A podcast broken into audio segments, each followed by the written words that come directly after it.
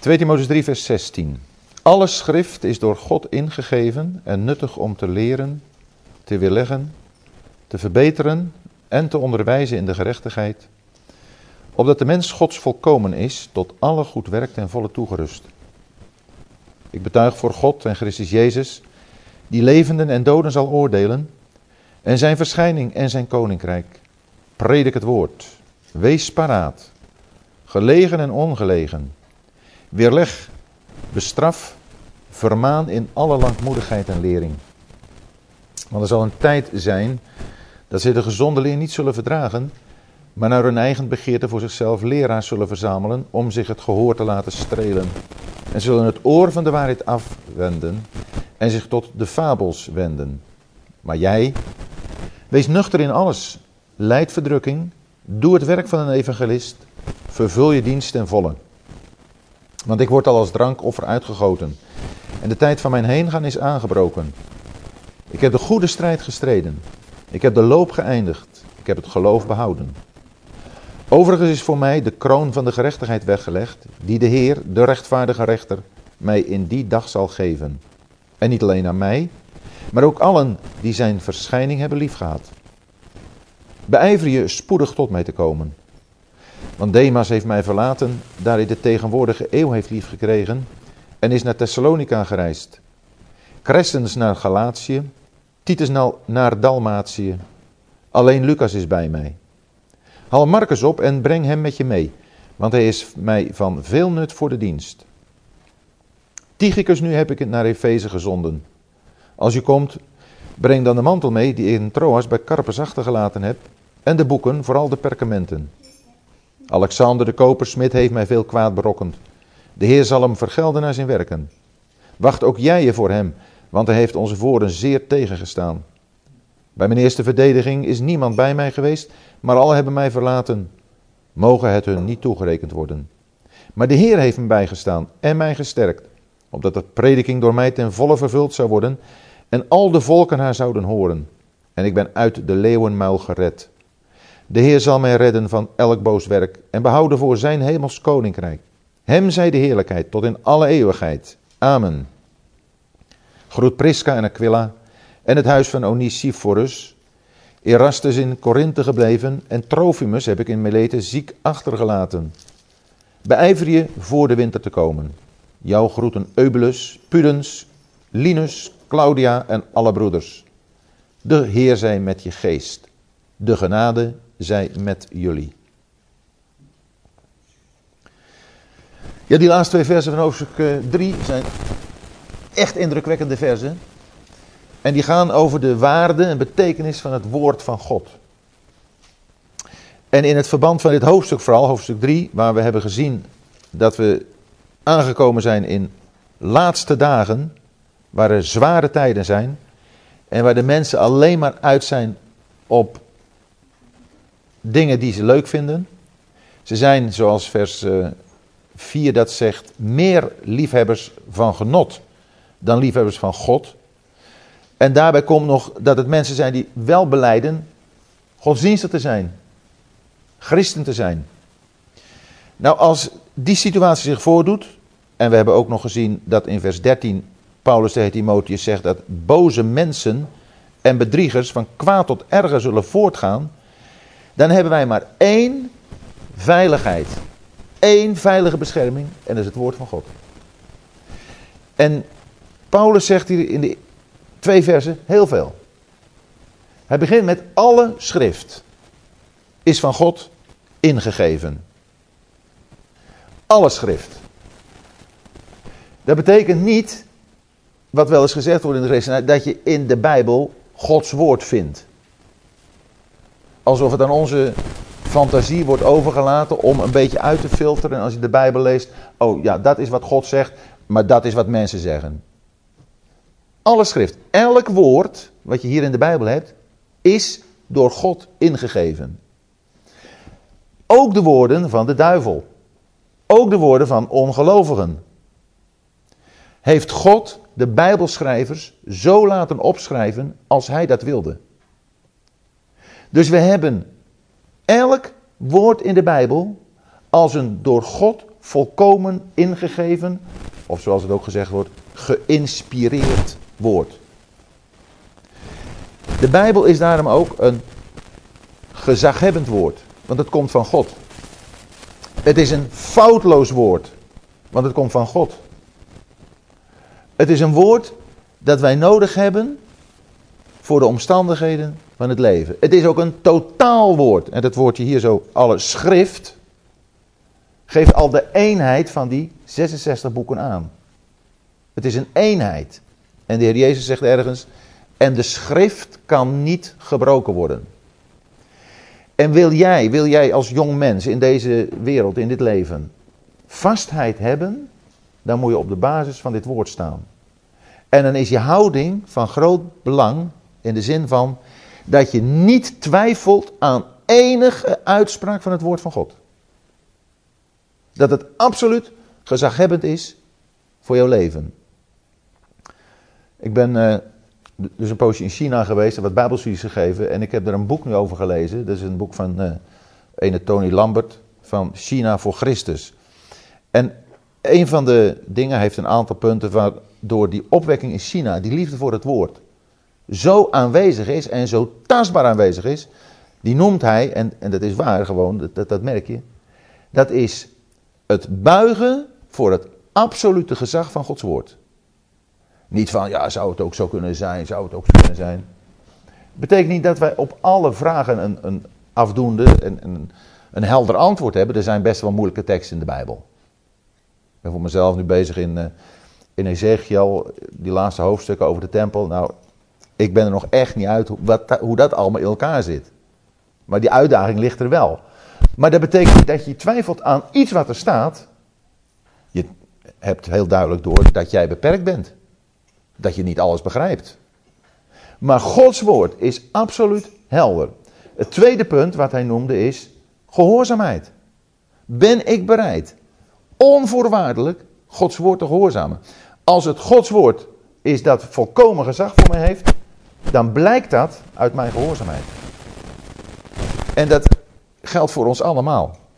Had nog enkele punten meer, maar hier vooral met het oog op wat we hier lezen. Alle schrift is van God ingegeven. Jongelui, laat je door die moderne theologen niks wijsmaken.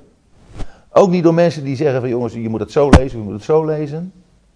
Als je bekeerd bent, heb je de Heilige Geest ontvangen.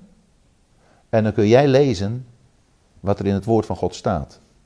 En ook wat ik zeg, ook die Bijbelstudies en alle Bijbelstudies die je mag volgen, daar zul jij onder de leiding van de Heilige Geest van moeten kunnen opmaken, inderdaad.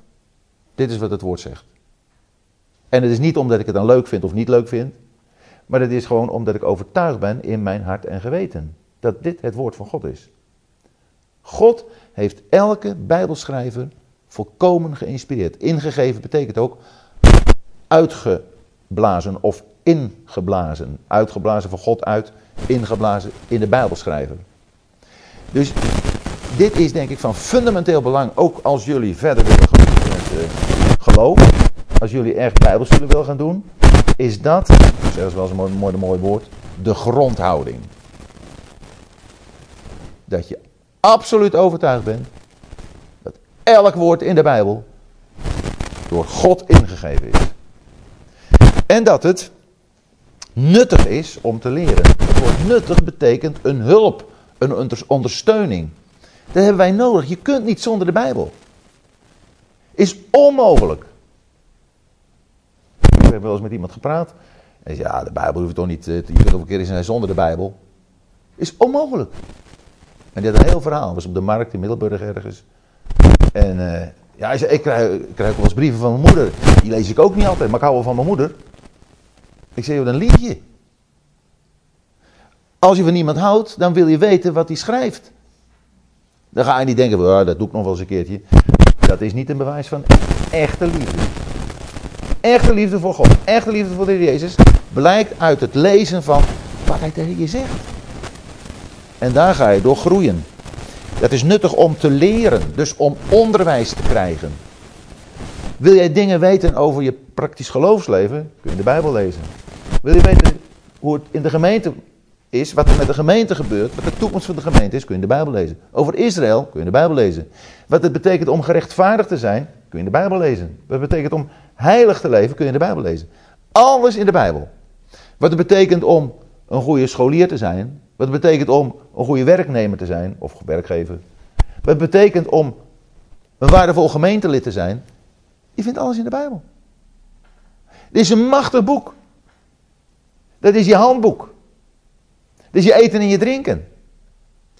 Zonder de Bijbel, of heel oppervlakkig, red je het gewoon niet.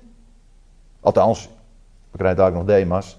Je zult misschien het einddoel wel halen in de zin van dat je niet, uh, je gaat niet verloren en je komt weer in de hemel. Nou ja, wat willen we nou? Willen we nou als christen leven? Voor Christus leven? Getuigenis geven? Of een beetje mee, uh, mee hobbelen met, uh, met de rest?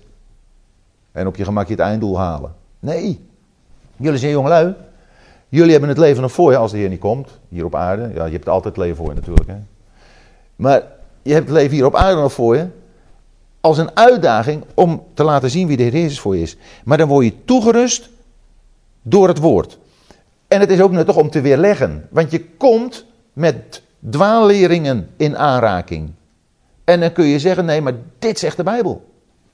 Het is ook nuttig om te verbeteren. Wij hebben niet anderen te verbeteren hoor. We zijn wel goed in, hè, anderen verbeteren. Het gaat erom dat ik verbeterd word. Dat ik in mijn denken steeds meer op wat de Heer Jezus in zijn woord van mij vraagt, ga lijken. Dat ik God steeds beter ga begrijpen. Want God is bezig met de uitwerking van een plan. Dat is een wereldwijd plan. Maar dat is ook een heel op maat gesneden plan voor jullie persoonlijk. Voor elk van ons persoonlijk. En dat plan van God.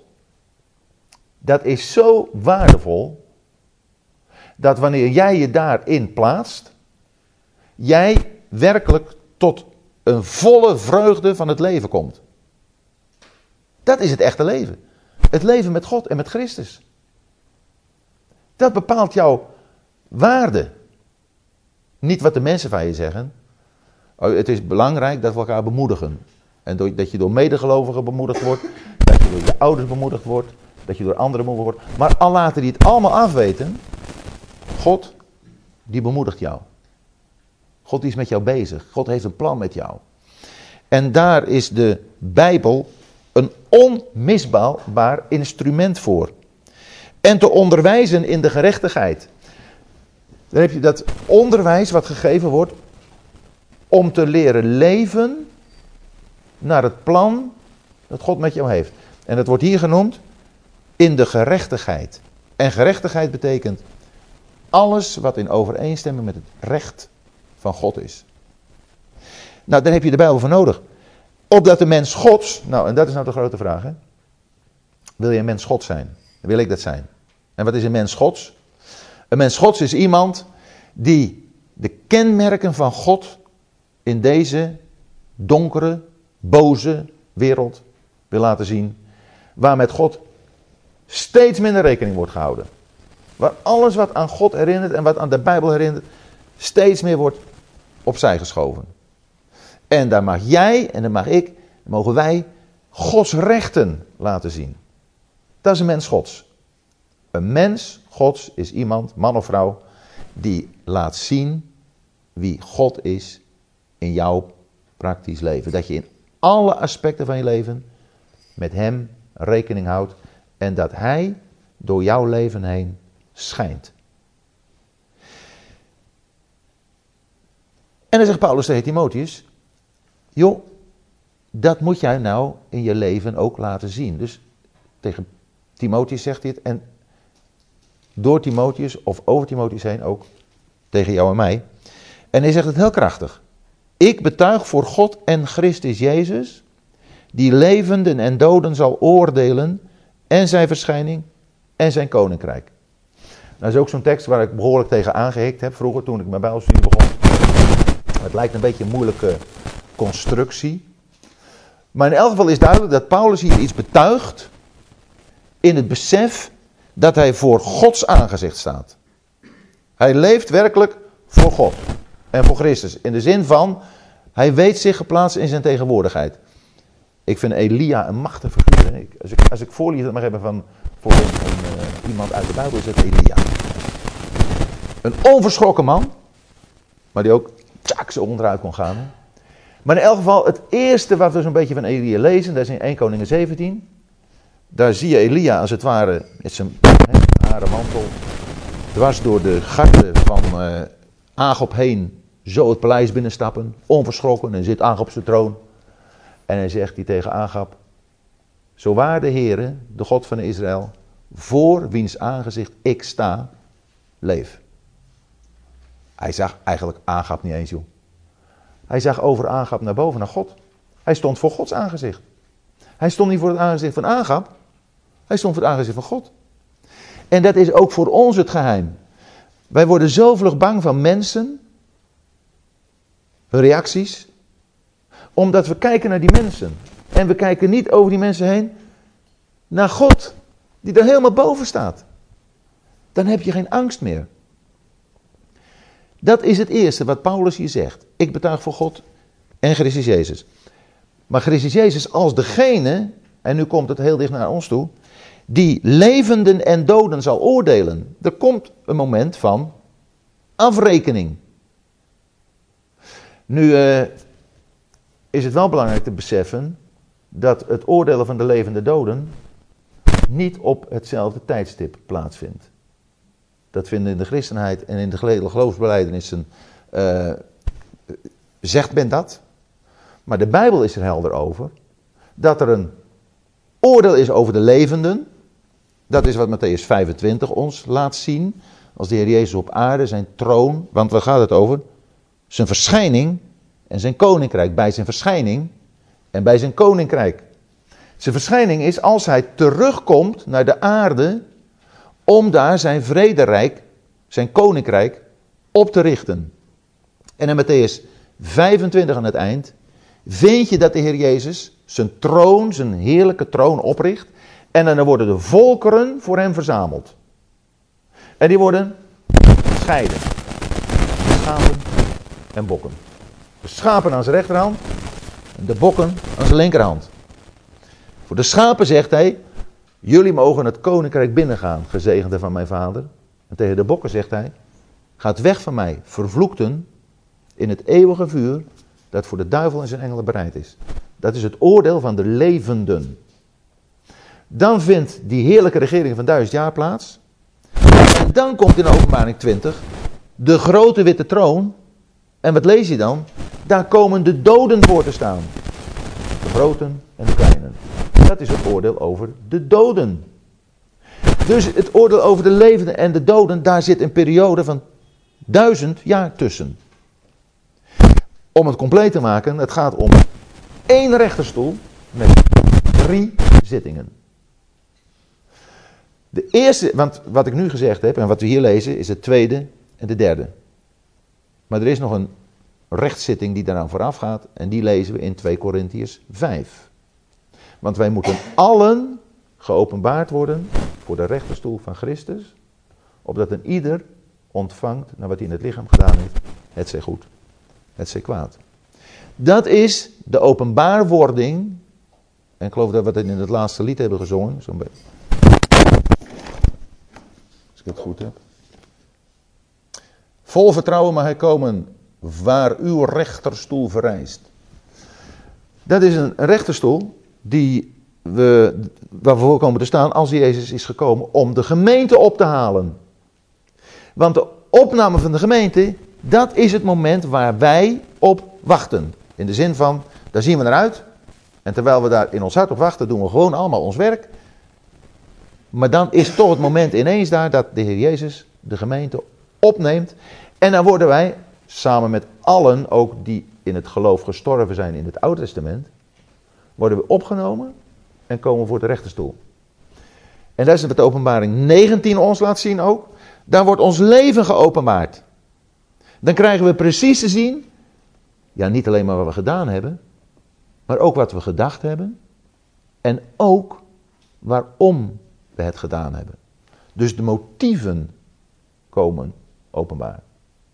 Dat is allemaal voor de rechterstoel van Christus. Maar inderdaad, we hoeven geen angst te hebben, omdat de rechter de redder is.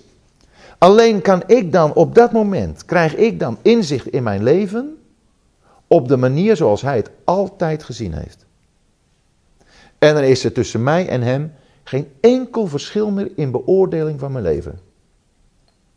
Dan vindt de bruiloft van het lam plaats. Openbaring 19. En dan komt de Heer Jezus met de gemeente naar de aarde. En dat is die verschijning. En die heerlijke troon die dan wordt opgericht, zoals gezegd, daarvoor komen de volken te staan. Die worden geoordeeld naar de manier waarop zij in de tijd van de grote verdrukking, die aanbreekt als de gemeente is opgenomen. Hoe zij in die tijd zich hebben gedragen tegenover de broeders van de Heer. En die worden daarnaar geoordeeld. Het oordeel over de levenden. Dus jongelui, er komt een moment van totale beoordeling van alles wat op aarde gebeurd is. En van elke persoon die ooit op aarde geleefd heeft. Voor de gelovigen, voor de rechterstoel van Christus, 2 Corinthians 5 vers 10. Voor de volkeren in zijn algemeenheid, als de Jezus zijn troon heeft opgericht op aarde. En voor de doden, de ongelovigen, die werden niet leven, staat er in openbaring 20, dan na die duizend jaar en worden dan geoordeeld naar hun werken, zoals het, en dat wordt duidelijk uit de boeken getoond. En er is niemand die een weerwoord zal hebben. En dan zullen ze allemaal geworpen worden in de hel. In de poel die van vuur en zwavel brandt. En tot in alle eeuwigheid daar zijn en gepijnigd worden. Verschrikkelijk. En daarom, jongelui, voor ons het volgende woord in vers 2, predik het woord. Dat moet een geweldige motivatie zijn. Om het woord te prediken. En wees paraat. Paraat betekent dat je er klaar voor bent. Dat je niet de kantjes eraf loopt. Dat je niet je terugtrekt. Maar dat waar je maar een mogelijkheid hebt, dat je daarvan de Heer Jezus vertelt. En dat gelegen of ongelegen, of het je nou uitkomt of niet uitkomt, spreek erover. Het, het is haast een beetje een, een, een soldatenterm. Het, het, is zijn, het is een legerterm. Wees paraat. Paraat ben je met het oog op een bepaald uh, gevaar of, of een bepaalde situatie die zich ineens kan voordoen. Je bent gewaarschuwd. Denk erom. Het kan zomaar ineens zover zijn dat je de gelegenheid krijgt om iets te zeggen. En doe het dan. Nogmaals, of het hier nou uitkomt of niet uitkomt. Ik, ik weet nog, dat is heel lang geleden. Dat ik denk dat ik een bekeuring kreeg voor te hard rijden met een karretje. En de politieagent, ja, dat was dus, uh, had me van de weg afgehaald. En, nou goed, ik was fout. Dus ja, dan, dan moet je gewoon, uh, dan krijg je de bekeuring. En toen had ik niet de vrijmoedigheid om die man een traktaat te geven. Een blaadje met het evangelie.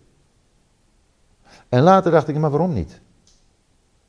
Maar goed, ik voelde me natuurlijk schuldig. Ik was verkeerd geweest. Maar ik had het ook toegegeven. En ik denk, dat was nou het moment. Ja, het kwam me niet gelegen.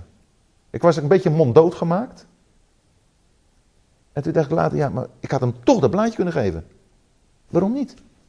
Dus ik had voor mezelf in elk geval een beetje kans voorbij laten gaan. En zo hebben wij allemaal kansen, of, of kunnen we dingen, situaties krijgen van we zeggen, ja, maar nu even niet. Zolang het niet gaat, kijk, ik, ik had een fout gemaakt, maar ik hem ook beleden, ik had het ook toegegeven. Dan ben je vrij om toch het getuigenis door te geven. Niet als je in de zonde leeft. Als je in de zonde leeft, dan kun je niet echt een getuigenis geven. Ja, dan kun je het wel proberen. Maar dan is het een blabla verhaal en uh, dan komt er helemaal niks uit, er zit geen kracht in. Maar het gaat erom dat wij paraat zijn. En dat het van ons uitkomt of niet. En dat we dan weer leggen. Of bestraffen en vermanen. Maar wel in alle langmoedigheid. Hebben wij een overtuiging? Weten we waarvoor we staan? Ben je overtuigd van wat je gelooft? Dat is maar niet iets, de betere, uh, het betere geloof. Het, het is niet de betere filosofie. Dit is echt het enige waar het om gaat. En als je ervan overtuigd bent, dan zul je weerleggen, bestraffen, vermanen. Waarom? Ja, niet omdat jij dat leuk vindt, maar omdat je die ander wil redden. Omdat je die ander wil laten zien dat er een God is die liefde is, maar ook die licht is. En die, die ook moet oordelen. En dan willen we toch niet dat de mensen verloren gaan? En dan willen we toch dat mensen die hem kennen meer toegewijd gaan leven aan hem? In alle langmoedigheid. Met geduld. Steeds opnieuw. Twee keer zeggen, drie keer zeggen, vier keer zeggen, vijf keer zeggen. Als ik me realiseer wat een geduld de Heer met mij heeft gehad, tot nu toe al. Wat zou ik dan met iemand, ja, die keer op keer misschien de fouten gaat, minder geduld hebben? Langmoedig. En besef ook dat wat die ander misschien steeds weer opnieuw verkeerd doet, dat ik natuurlijk helemaal niks beter ben. Ik ben precies hetzelfde. Wij zijn in geen enkel opzicht de meerdere van een ander. We zullen ook als we iemand moeten vermanen om iets wat hij verkeerd gedaan heeft, moeten bedenken wat er in Galaten 6 vers 1 staat.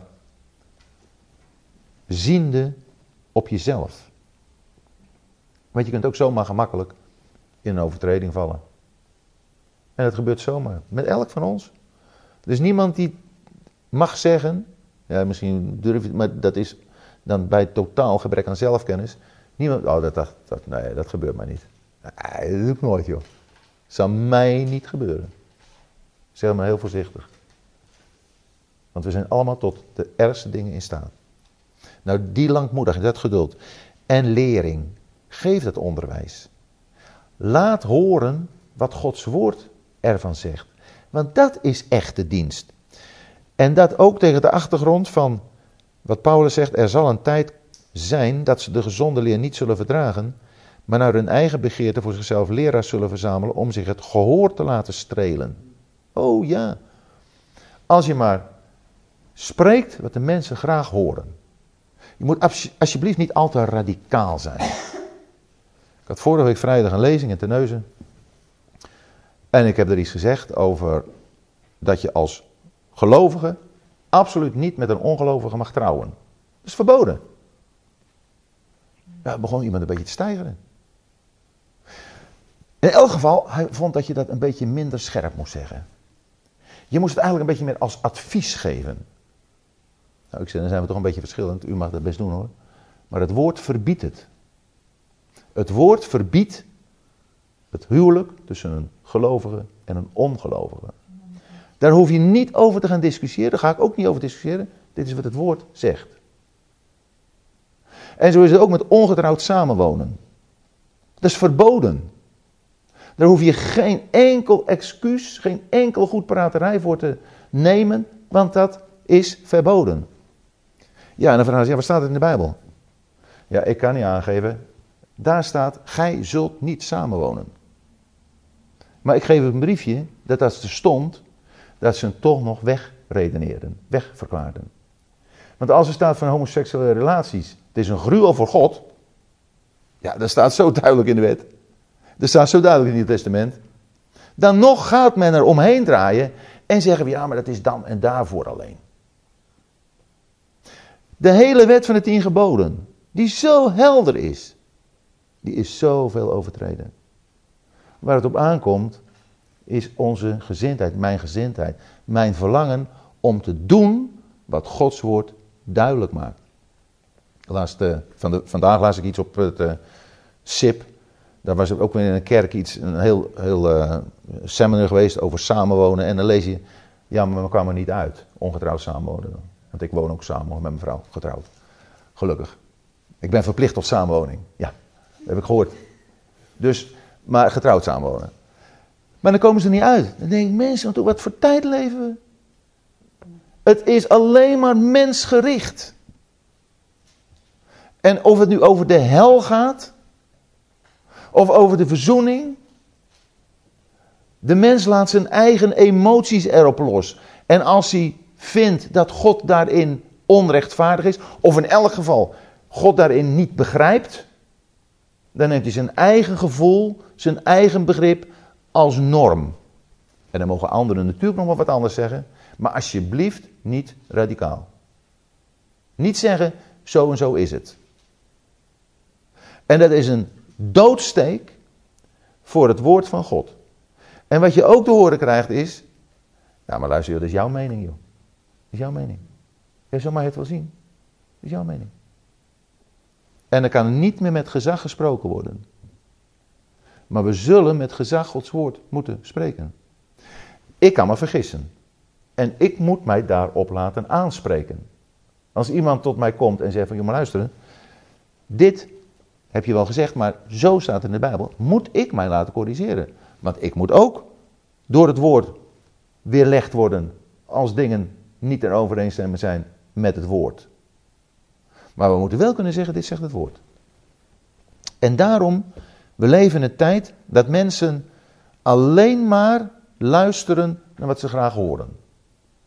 En of het nou een dominee is of, of een of andere uh, prediker. Maar die mensen die, uh, die het leuk kunnen vertellen, vlotte babbel hebben, charismatische uitstraling hebben, die liggen over het algemeen goed in de markt. Maar de prediker die onversneden Gods woord brengt, die wordt erop afgerekend. En de vraag aan mij is, waar sta ik voor open? Sta ik open voor het onversneden woord van God? Of wil ik het alleen maar aannemen als het in elk geval op een beetje aangename manier gezegd wordt? En ik zeg niet dat we moeten proberen alles zo onaangenaam mogelijk te zeggen. Maar als het erop aankomt, zullen we helder moeten kunnen zeggen: dit zegt het woord. Tegelijkertijd zul je ook moeten laten blijken dat je dingen zegt om het welzijn van de ander. In de eerste plaats de rechten van God. In de eerste plaats de rechten van God. Maar Gods rechten zullen nooit in strijd zijn met het belang van de mens. Gods rechten zijn er juist om de mens tot het volle besef te brengen dat hij ontplooit als mens als hij zich aan die rechten houdt. God is zo goed, joh. God is zo goed. Alleen wij geloven het niet, we vertrouwen het niet. Wij vinden dat we betere oplossingen hebben. En dat we ons leven op die manier inrichten dat het dan net wel lekkerder loopt. God is soms zo streng en zo naar. En, en dingen die mag je niet.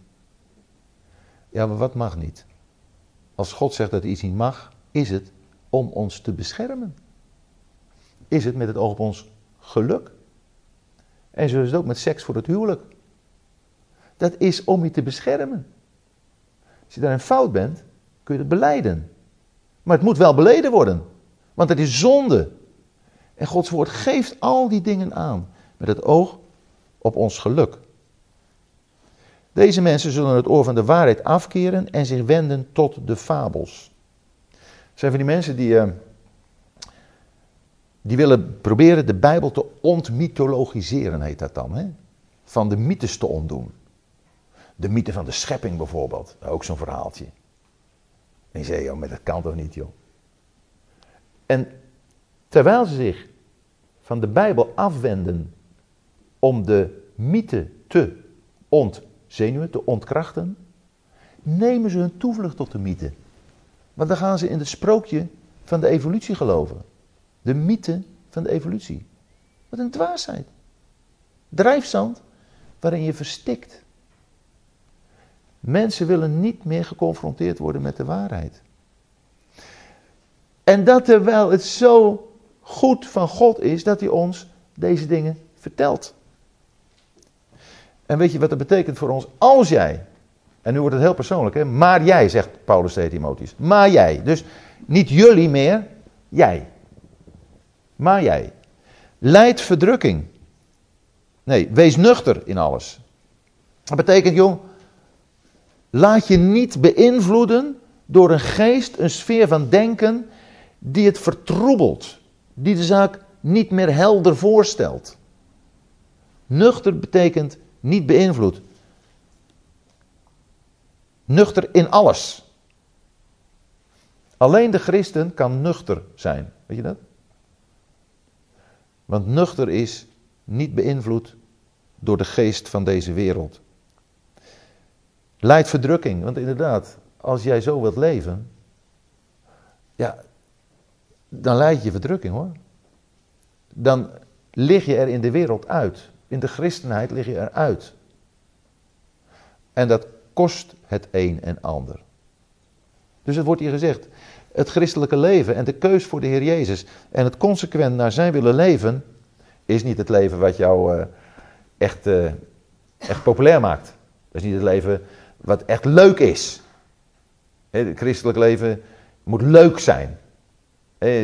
Je moet leuk. Dan worden dingen ook opgeleukt. Vind ik ook zo'n mooi woord. Opleuken. Het moet gewoon sappig zijn. Aangenaam. Nou, dat is niet het christendom van de Bijbel. Het westerse christendom, wat wij hier hebben, met elkaar, als christenheid in zijn totaliteit, dat is het niet. Als je consequent wil leven voor God, voor Christus, aan de hand van de Bijbel, dan doet dat pijn. En dat niet alleen, je wordt ook gezegd je dienst ten volle te vervullen. Niet de kantjes eraf lopen, maar je hebt allemaal een taak. Iedereen, elk van jullie hier heeft een taak. Je bent allemaal even waardevol, even belangrijk op je plek. En dan heb je een dienst te doen. En die, zegt Paulus tegen Timotheus, moet je helemaal vervullen. Moet je niet tot, tot de helft toe, niet drie kwart. Uh, is helemaal de helft, dat is een, een goed begin. Maar de andere helft moet wel volgen. Het moet helemaal gebeuren. Jij bent op jouw plek onvervangbaar. En het is vaker gezegd, maar er moet in de christenheid, er moet door, ook, ook in gemeenten waar, waar draagvlak is door, door sommigen die echt voor Heer willen leven, maar te veel door te weinigen gebeuren. En die motivatie, die moeten we doorgeven, jongen. Ook een andere doorgeven. Laat het zien wat het voor je betekent om een kind van God te zijn. Laat het zien wat het voor je betekent om een dienaar van de Heer Jezus te zijn. Dat gaat aansteken. Dus je anderen meekrijgen. Oude Testament staat vol met voorbeelden. Het boek Nehemia bijvoorbeeld, zou eens moeten lezen. Mooi boek hoor. Geweldig, motiverend. Echt menselijk ook. Dat je dingen ziet die je zegt van ja, begrijpelijk. Maar op van te leren, hoe het niet moet. En hier zegt dus Paulus tegen Timotheus, joh, vul je dienst te volle. Want ik word al als drankoffer uitgegoten en de tijd van mijn heen gaan is aangebroken. Jazeker, er worden dienstknechten, dienaren worden weggenomen. Maar Paulus zegt hier, en hij staat hier uh, ja, vlak voor de dood. Maar hoe, zeg, hoe zegt hij dat? Ik word als een drankoffer uitgegoten. Wat is een drankoffer? Dat is een offer van wijn. En dat kwam over het hoofdoffer heen. En wijn is een symbool van vreugde. Van blijdschap. Dus Paulus zegt: Ja, man, ik ben blij, man. Ik ga dadelijk deze wereld verlaten. En ik ga naar de Heer Jezus toe. Ook mijn dood zal één grote vreugdevolle zaak zijn. Een feestman om naar de Heer te gaan. Dat is mooi als je je leven zo kunt zien. Ik word al als drankoffer uitgegoten en de tijd van mijn heengaan is aangebroken. En wat zegt hij? Ik heb de goede strijd gestreden. Paulus kon terugkijken zijn leven. En zei, ja, dit was de moeite waard. Kunnen jullie terugkijken op je leven en zeggen, ja, tot nu toe was de moeite waard. Als het niet zo is, kunnen nog dingen veranderen. Maar het is wel belangrijk dat je even soms terugkijkt. Hoe was mijn leven tot nu toe? Kan het een beetje bijgesteld worden misschien? Proberen. Met de hulp van de Heer. Breng verandering aan. Omdat je ook aan de tijd daar is dat je, als de Heer is nog niet gekomen is, maar afscheid van het leven moet nemen, dat je dan denkt, het is de moeite waard geweest. Het is de moeite waard geweest om zo voor de Heer te leven, ook voor hem te lijden. Hij heeft de goede strijd gestreden. Ik heb de loop geëindigd. Hij had de finish behaald. De goede strijd, dat is de strijd van de worstelaar. En de loop beëindigd, dat is de, uh, de wedstrijd van de hardloper.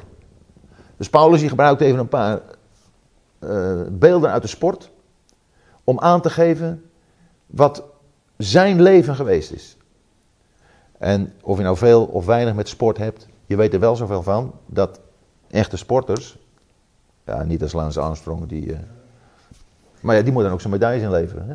Je valt een keer door de mand. En die mensen die misschien wel goed gepresteerd hebben, maar het ook alleen maar voor zichzelf gedaan hebben, vallen ook een keer door de mand. Net zo goed. Maar het gaat erom dat je van hen kunt leren Dat ze er alles voor over hebben om een bepaalde prijs te winnen. En wij gaan voor een onvergankelijke prijs. Die hoeven we niet meer in te leveren. Nooit. Als je voor de Heer Jezus leeft. En dat zegt Paulus hier. Ik heb de goede strijd gestreden. Ik heb het de loop beëindigd. Ik heb het geloof behouden. Dat betekent niet van, ja, ik ben gelukkig blijven geloven. Ik heb het geloof behouden. Dat betekent, ik heb die hele geloofswaarheid die God me heeft toevertrouwd, heb ik vastgehouden. In uh, het boek Ezra vind je een prachtige illustratie daarvan. Dat Ezra die gaat vanuit uh, de ballingschap naar Jeruzalem en dan krijgt hij een heleboel dingen mee. En als hij in Jeruzalem gekomen is, dan gaat hij dat allemaal in Jeruzalem in de tempel brengen. En dan wordt het allemaal afgewogen. En dan blijkt dat hij niets kwijt is geraakt. En voor jullie en voor mij geldt, wij komen een keer voor die rechterstoel, we komen een keer bij God. En dan hoop ik dat we allemaal dat wat we gekregen hebben, wat ons toevertrouwd is, aan de waarheid van Gods woord, dat we daar niets van af hebben gedaan. Dat we tot het eind toe consequent blijven vasthouden aan de waarheden van Gods woord, zoals we die hebben mogen leren. Paulus heeft het geloof behouden. En hij zegt, die overigens is voor mij de kroon van de gerechtigheid weggelegd. Dit is in de Bijbel, daar moet je een studie van maken, is mooi hoor. Een kroon weggelegd. Er zijn in de Bijbel meerdere kronen. De kroon van het leven. De onvergankelijke kroon van de heerlijkheid. Hier is het de kroon van de gerechtigheid. Dat betekent, dat is een beloning die door de Heer wordt uitgereikt met het oog op wie je gebeest bent als een mens die gerechtigheid getoond heeft. die mens Gods die ten volle voor dat goede werk was toegerust. En dat krijg je dan als een speciaal eerbetoon van de Heer Jezus aangereikt. En goed, ik kan me een klein beetje indenken hoe je je misschien voelt ten opzichte van Paulus. Ja, het is een grote godsmail. En toch, Paulus zegt, wees mijn navolgers, zoals ik van Christus. En hij zegt, niet alleen aan mij, maar ook aan allen die zijn verschijning hebben liefgehad. Hé, hey, waar gaat het om? Liefde voor de Heer Jezus. Liefde voor zijn verschijning. En we hebben al eraan gedacht in vers 1. Zijn verschijning is zijn komst op aarde. Want wat betekent dat als hij op aarde verschijnt, als zijn voeten zullen staan op de olijfberg en als hij gaat regeren, wat betekent dat? Dat hij de heerschappij over de wereld in handen neemt. Nu is hij nog de verworpene. Nu is hij nog veracht. Als hij Jezus opnieuw geboren zou worden, in een stal, zou hij weer verworpen worden, weer vermoord worden. Gaat niet gebeuren, want hij komt terug als de heerser. En hebben wij dat lief? Hebben wij die verschijning lief? Daar gaat het om. Zien we er naar uit naar het moment dat de hele wereld zal doen wat hij zegt. Nu, nu wordt er met hem geen rekening gehouden. Ik hoop dat jullie ernaar verlangen. Ik, ik voel voor mezelf dat ik ook wel wat meer mag verlangen naar dat moment. Maar als je leest over verschrikkelijke dingen die gebeuren, dan hunker je ernaar dat het allemaal voorbij zal zijn. En dat er vrede op aarde zal zijn.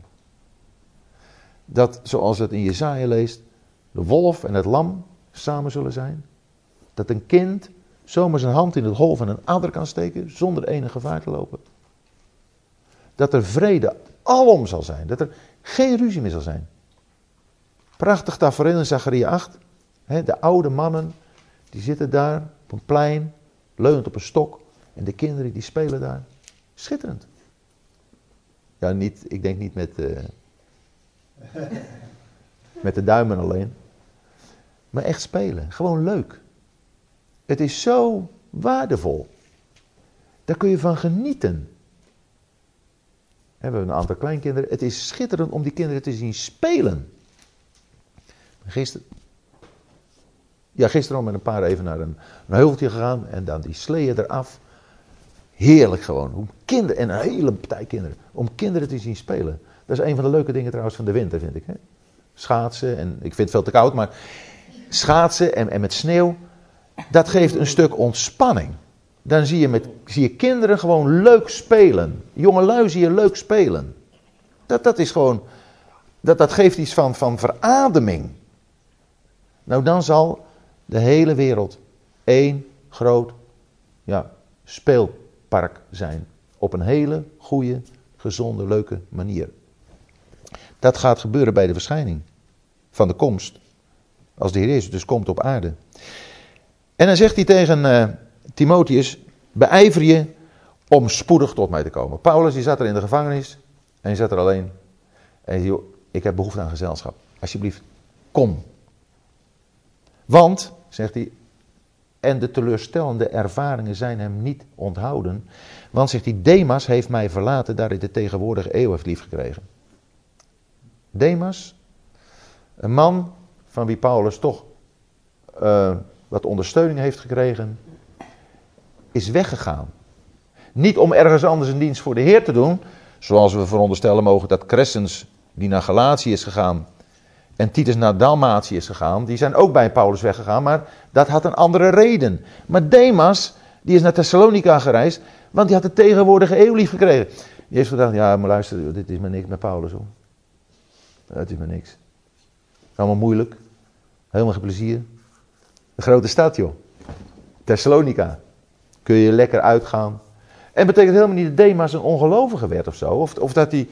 Nee, maar dat... dat hè, dat radicaal. Het kan toch ook een beetje minder, joh. Hé? Je kunt toch ook nog wat van het leven genieten, niet maar?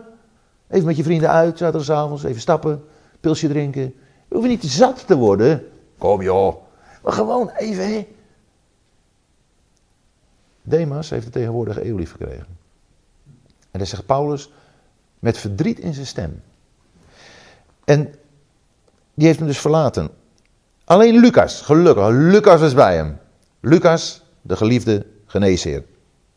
En hij zegt tegen Timotheus, haal Marcus op en breng hem met je mee, want hij is mij van veel nut voor de dienst. Vind ik ook zo'n schitterend vers. Marcus, dat was de man die Paulus ook had verlaten. We lezen in Handelingen. Toen Paulus en Barnabas op reis waren voor het evangelie, toen is Marcus een poosje mee geweest, maar op een gegeven moment zag hij het niet meer zitten. En is hij weggegaan. En hij werd zelfs een oorzaak van verbittering tussen Paulus en Barnabas. En hier lees je dat Marcus is teruggekomen. Maar het staat niet letterlijk in de Bijbel wat nou precies de reden was dat Marcus weggegaan is. Nee. Want u zegt wel, hij zag het zitten, maar dat weet hij eigenlijk niet. Nou, ik denk het wel hoor. Eh, later als Barnabas hem mee wilde nemen, dan lees je dat Paulus zegt dat hij hen verlaten had voor de dienst van de Heer. Er staat zelf ergens, ik wil hem, er staat er zelf ergens in de brieven, dat Paulus op een gegeven moment zegt, ik wil Marcus niet mee hebben. Ja, dat weet ik. Ja. ja. Het gaat er niet om de reden van Ja. Marcus, zeg maar. Ja. Ja. En dus is Marcus, een, vanwege het werk van de Heer, heeft hij hen verlaten. Dus er staat een hele duidelijke reden bij. Gaat Ja, moet je nog maar eens lezen. En ehm, Barnabas, die is waarschijnlijk met het oog op eh, Marcus ook weggegaan. Dan wordt er wel verondersteld, omdat dus Marcus de neef van Barnabas was, dat dat een beetje een familieverhouding was. Maar dat gaat mij te ver, mij te ver om te zeggen dat Barnabas ook verkeerde keuzes heeft gemaakt. Barnabas is een man die eh, genoemd wordt een goed man. Barnabas heeft de, ehm, de vereniging steeds gezocht. De samenbinding. En ik denk dat de Heer het gebruikt heeft om zowel Barnabas als Paulus allebei een werk voor hem te laten doen. Uit, uit het verkeerde kan God toch het goede laten voortkomen. En dat de Heilige Geest ons verder Paulus heeft voorgesteld als iemand met wie de Heer op een bijzondere manier een weg is gegaan, betekent niet dat Barnabas voor de Heer had afgedaan. Maar dat is even een, een apart verhaal. Waar het me nu om gaat is dat Marcus, en dat vind ik voor mij altijd heel erg aansprekend. Marcus voor mij het voorbeeld is van een God die altijd een tweede kans geeft. Voor mij is Marcus daarvan het voorbeeld. En dat heb ik in mijn eigen leven ook. God is de God van de herkansing. En dat vind ik zo machtig mooi, want het is Marcus. En dat op een heel mooie manier dus. Want het is Marcus die door God gebruikt is om het evangelie naar Marcus te schrijven. En het evangelie naar Marcus stelt ons de Heer Jezus voor als de ware dienstknecht. Dus de ontrouw geworden dienaar, Marcus, toen hij weer trouw geworden was, heeft door de Heilige Geest geïnspireerd het evangelie van de trouwe dienaar geschreven. Nou, ik vind dat machtig mooi van God. En daarom is er voor mij ook niemand hopeloos die afgeweken is van de Heer. Want iemand die afgeweken is, kan terugkomen. Hij is zo goed van genade. En nogmaals, ik heb het zelf ervaren. Het is, God is de God van de herkansing. En van een tweede herkansing. En van een derde herkansing. Marcus was dus nu weer voor veel, van veel nut voor de dienst geworden. Tychicus heb ik in, naar Efeze gezonden. Dat was iemand, die had Paulus misschien wel bij zich kunnen houden, maar die heeft Paulus zelf weggezonden. Want Paulus dacht niet aan zichzelf, hij dacht aan het werk voor de Heer. En dan vraagt hij om de mantel. Jongen, jongen, wat is nou gewoon een mantel. Maar we hebben ook gelezen, beijver je voor de winter te komen. Dus ik denk dat Paulus, die, hè, die, uh, die had die mantel nodig. Hij zag de winter aankomen. Timotheus, dus kom voor de winter alsjeblieft. En dat leerde om zijn mantel gevraagd. Paulus was ook heel nuchter. Daarbij komt ook nog dat hij vraagt om perkamenten. De boeken. Vooral de perkamenten. Paulus wilde graag wat lezen. En ja, er zijn echt geen uh, romannetjes geweest. En echt geen fantasieën over bijbeluitleg. Dat zijn gewoon goede, opbouwende boeken geweest. Waardoor hij meer ging begrijpen van God. Die hij kon gebruiken ook in zijn dienst die hij nog steeds had. En ik hoop ook dat jullie goede boeken lezen. Levensbeschouwingen. Nou, in het begin hebben we het geloof ik even over gehad. Hè, over de levensbeschouwingen. Je hebt me toen iets van die uh, over gestuurd. Uh, Brian. Uh, nou, in ieder geval, je hebt, ik, ik, weet het ik, heb het, ik heb het laatst nog een keer gezien. Maar goede, bij, goede levensbeschrijvingen van, van mensen die voor de Heer geleefd hebben, dat bemoedigt. Dus er is echt wel veel goede lectuur hoor. Er was ook nog iemand, de kopersmid Alexander, die Paulus veel kwaad had berokkend. Maar dan geeft hij over aan de Heer. De Heer zal hem vergelden. Daar ging Paulus niet helemaal niet, niet tegen in. Dan gaf hij over aan de Heer. Maar hij zegt wel, denk erom, uh, pas voor hem op. Hij waarschuwt Timotheus wel. Dat is een man, daar moet je voor oppassen. En het is ook belangrijk dat wij soms waarschuwingen uitdelen. Pas op voor die leraar. Pas op voor die predikant. Want die uh, zijn onzuiver in de leer en die brengen de mensen op het verkeerde been. Die staan het evangelie tegen. Pas ervoor op. Wacht ook jij voor hem, want hij heeft onze woorden zeer tegengestaan. Hij zegt, ja, bij mijn eerste verdediging was er niemand bij mij. Alle hebben me verlaten. En dan die gezindheid, hè. Mogen het hun niet toegerekend worden. Nou, dat is gewoon wat, die, wat je de Heer Jezus hoort zeggen op het kruis. Vader, vergeef hen, want ze weten niet wat ze doen. Mogen het hun niet toegerekend worden. Wat Stefanus zei toen hij gestenigd werd. De stenen, ja, zeggen ze wel, om zijn oren vlogen. Dat was niet erg natuurlijk. Die raakten hem niet.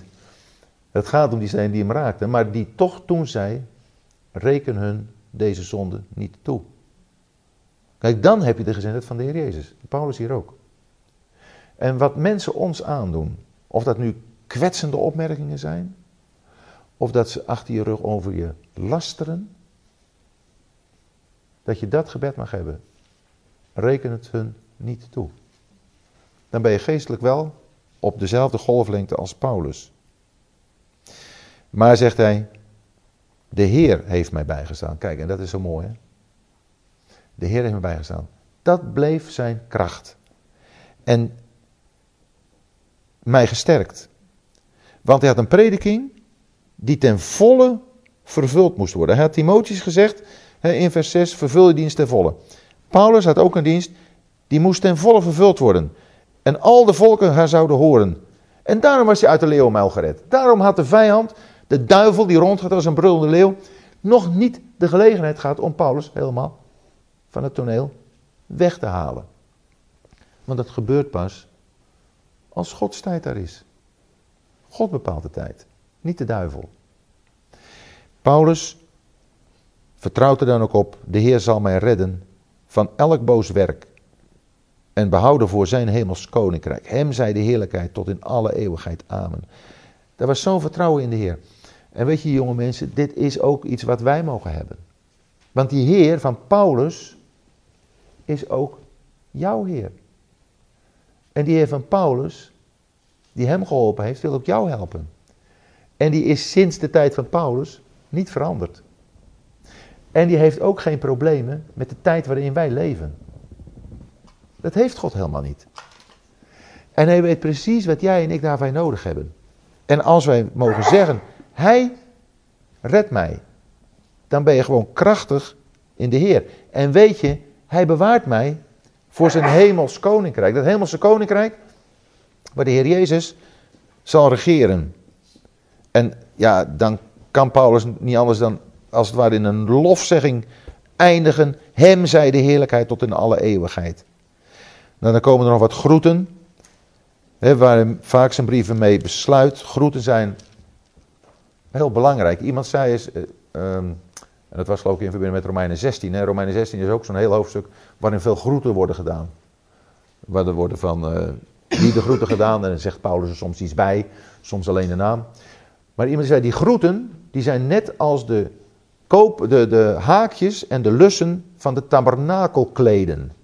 de kleden over de tabernakel waren in vijf en vijf.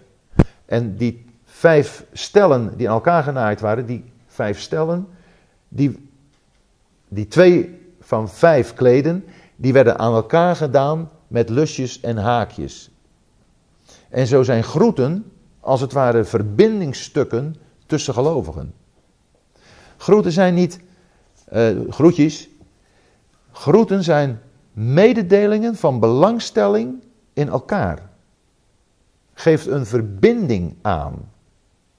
Daarom als ik ergens ben en ik krijg de groeten mee, dan weet ik dat het waardevol is. Zowel voor degene van wie ik de groeten meekrijg, als voor degene van wie, aan wie ik de groeten doe in die gemeente waar ik dan kom. En als ik daar vandaan de groeten meekrijg en ik breng ze weer thuis in de plaatselijke gemeente naar voren, dan voel je die verbinding. Dat zijn die uitingen van de band die er is tussen gelovigen. En dat is hier ook dus het geval. En nog heeft Paulus dan even een paar uh, situaties. Dat Erasmus in Korinthe gebleven en Trofimus heb ik ziek achtergelaten. Nou heb je weer zo'n bewijs dat die hele genezingsbeweging. Ik, zeg, ik geloof best in, in gebedsgenezing. Maar moet geen dwingelandij worden. Dat je niet ziek hoeft te zijn. Onzin, dwaling. God bepaalt dat. En Paulus, die de gave van gezondmaking had, heeft hier Trofimus gewoon ziek achtergelaten.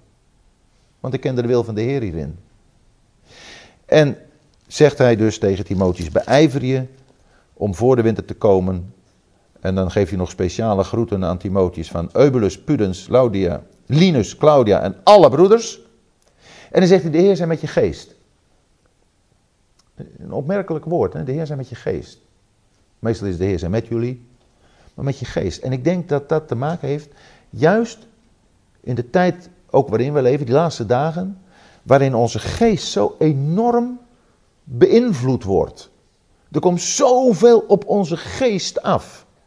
Veel ook wat je zelf zoekt, maar ook wat er op je afkomt. En dan is het echt belangrijk dat je ook voor elkaar bidt en dat, dat ook elkaar toewenst dat de Heer met je geest is. Dat je geest alleen binnen kan komen wat van de Heer is, wat je dichter bij Hem brengt. En dan de genade zijn met jullie. Dat, dat is ja, de basis waarop we kunnen leven, waarop we kunnen staan, waarop we kunnen verder gaan. Die genade die ons steeds zal helpen en bewaren. Genade zal mij veilig leiden. Zolang ik hier nog zwakheid ken, staat er in een lied. Nou, en dat is mooi en dat kunnen we ook elkaar toewensen.